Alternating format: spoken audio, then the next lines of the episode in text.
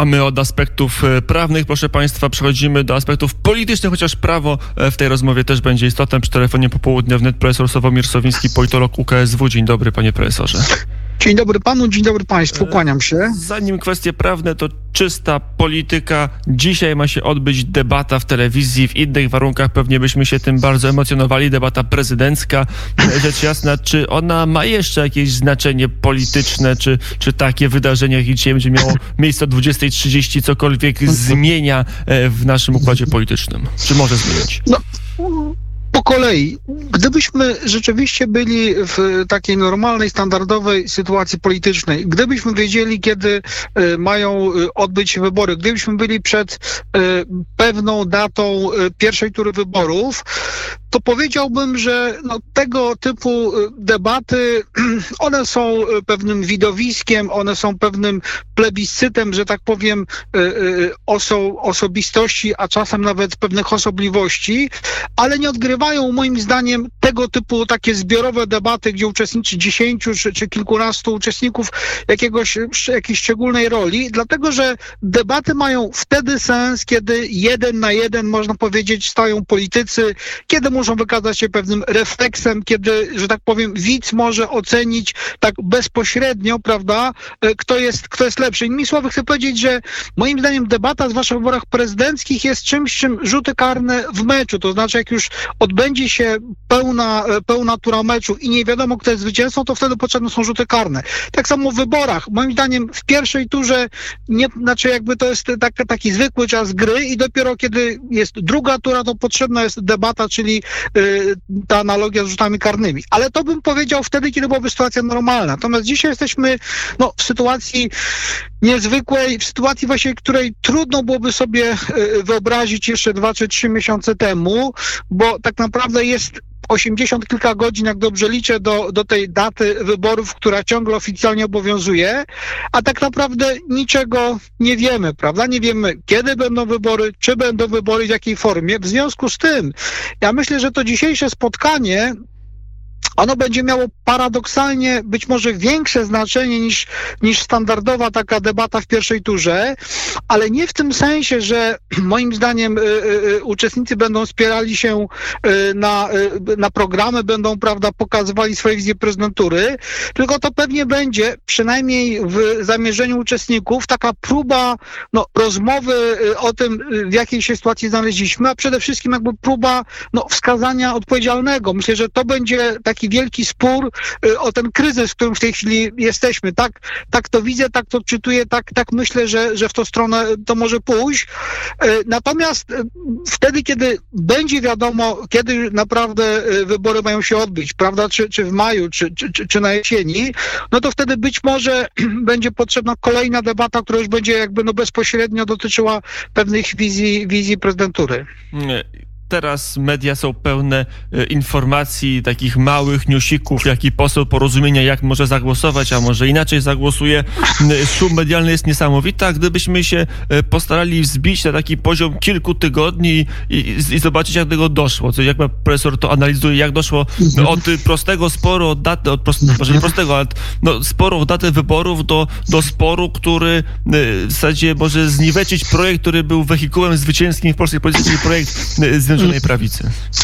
Ja tu widzę, rzeczywiście ma pan redaktor rację, nie jestem jakoś bardzo zaskoczony y, tą sytuacją, która ma w tej chwili miejsce. Nie jestem jakoś bardzo zaskoczony y, tym, że no dzisiaj pan minister Gowin y, gdzieś, że tak powiem, swój scenariusz polityczny w tej trudnej sytuacji próbuje realizować, a do tego prowadziły moim zdaniem jakby dwa, dwa, dwa poziomy, dwa poziomy faktów, czy, czy dwa procesy, mówiąc trochę innymi słowy. Otóż po pierwsze, y, no pamiętajmy, że y, i w roku 2015 i w roku 2019 Zjednoczona Prawica no, szła do wyborów jednak jako pewna, y, jako koalicja trzech partii politycznych i to była ewidentnie też taka oferta no, w miarę szeroka do różnych wyborców skierowana, prawda? I taka wy, wyborcza rola środowiska ministra Gowina to było jednak, mówiąc kolokwialnie, no, złowienie, czy próba złowienia tego elektoratu takiego bardziej wielkomiejskiego, bardziej liberalno-konserwatywnego, bardziej takiego no, w centrum ulokowanego, mówiąc, mówiąc umownie. No i teraz, skoro tak jest, skoro koalicja czy, czy, czy ugrupowanie polityczne idzie do wyborów właśnie jakby no z różnymi skrzydłami, no to też nie ma się co dziwić, że kiedy wyborcy jakby te skrzydła jakoś wzmocnią, prawda, czy, czy, czy w jakimś tam sensie zaakceptują, a te 18 mandatów, które, które pan minister Gowin otrzymał, czy jego środowisko, no to było takie wzmocnienie tego skrzydła, no to nie ma się co dziwić, że te skrzydła potem też będą dochodziły jakoś, jakoś do głosu, więc ja tutaj nie widzę też w tym aż e, takiego jakby no politycznego dużego zamieszania czy braku logiki.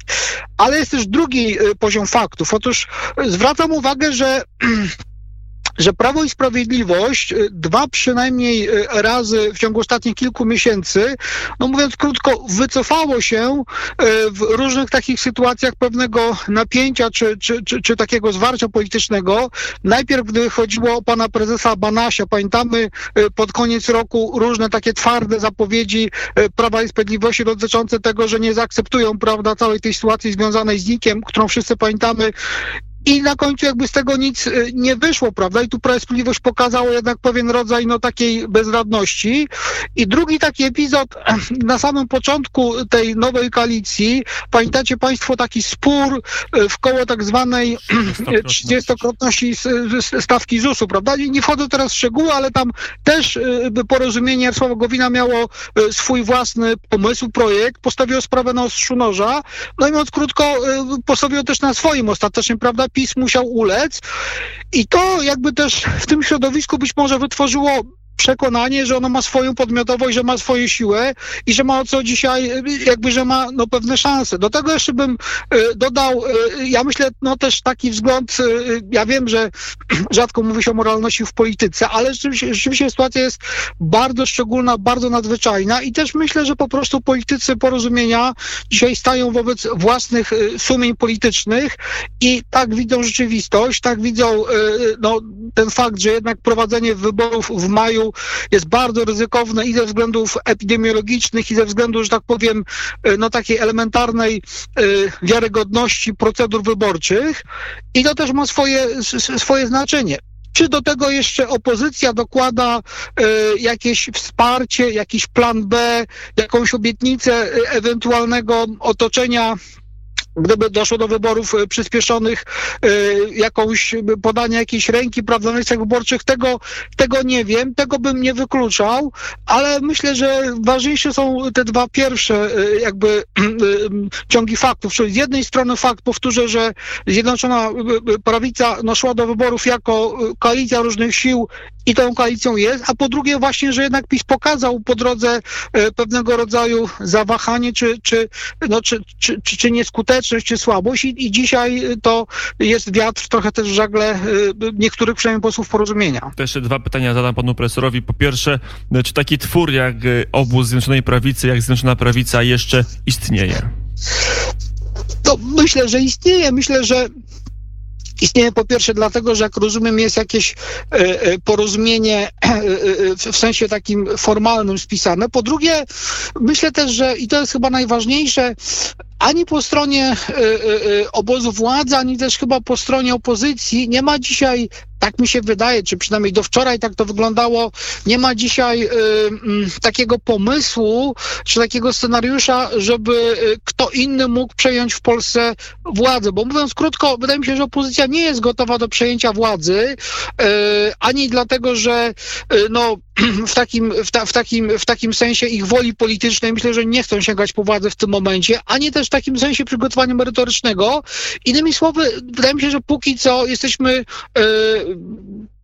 na dobre i na złe jakoś skazani na rządy Zjednoczonej Prawicy. Myślę, że jest jakby co do tego e, zrozumienie, e, no bo też mówiąc tak kolokwialnie, nie wymienia się zaprzęgu, prawda, w środku rwącego strumienia kryzysu politycznego i epidemiologicznego. I to jakoś, e, myślę, no Zjednoczoną Prawicę na siebie, że tak powiem, kolokwialnie skazuje, choć oczywiście jakość funkcjonowania tej Zjednoczonej Prawicy będzie teraz o wiele trudniejsza, o wiele, o wiele gorsza niż, niż do tej pory bo też mi się wydaje, że scenariusz przyspieszonych wyborów byłby dla, y, zwłaszcza dla PiSu, niezwykle ryzykowny, niezwykle trudny. On mi się, kojarzył z powtórką z roku 2007, prawda? I byłby też dla wyborców no, takim rodzajem dysonansu politycznego, bo to świetny rząd, który sam siebie przedstawia jako taki najlepszy z możliwych, nagle poda się do dymisji. Tego wyborcy mogli po prostu nie zrozumieć. E, z drugiej strony e, trudno chyba teraz rządzić tak e, czysto psychologicznie, bo tam zdaje się, że emocje też grają rolę i że pewne słowa już padły.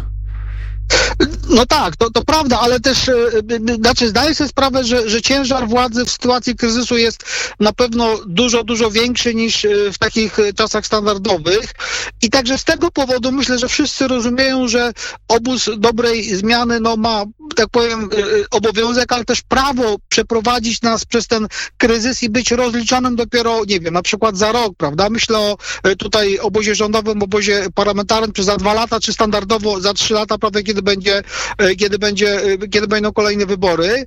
E, ten ciężar jest oczywisty i jasny i też no, trochę dziwię się w związku z tym takiej, takiej determinacji obozu rządzącego, że jednak nie chce sięgnąć po to rozwiązanie, jakie moim zdaniem jednak daje konstytucja, czyli jeden ze stanów nadzwyczajnych, być może stan epidemiologiczny, po to, żeby też y, dostać taki czas, y, myślę tu o obozie rządzącym, na takie spokojne zarządzanie, czy w miarę spokojne zarządzanie tym rzeczywiście niezwykle ciężkim brzemieniem kryzysu, y, które nas teraz dotknął. Ja myślę, całe to zamieszanie polityczne, którego jesteśmy świadkami, które bardzo też utrudnia rządz rządzenie dzisiaj, ono jest niestety trochę na życzenie Prawa i Sprawiedliwości.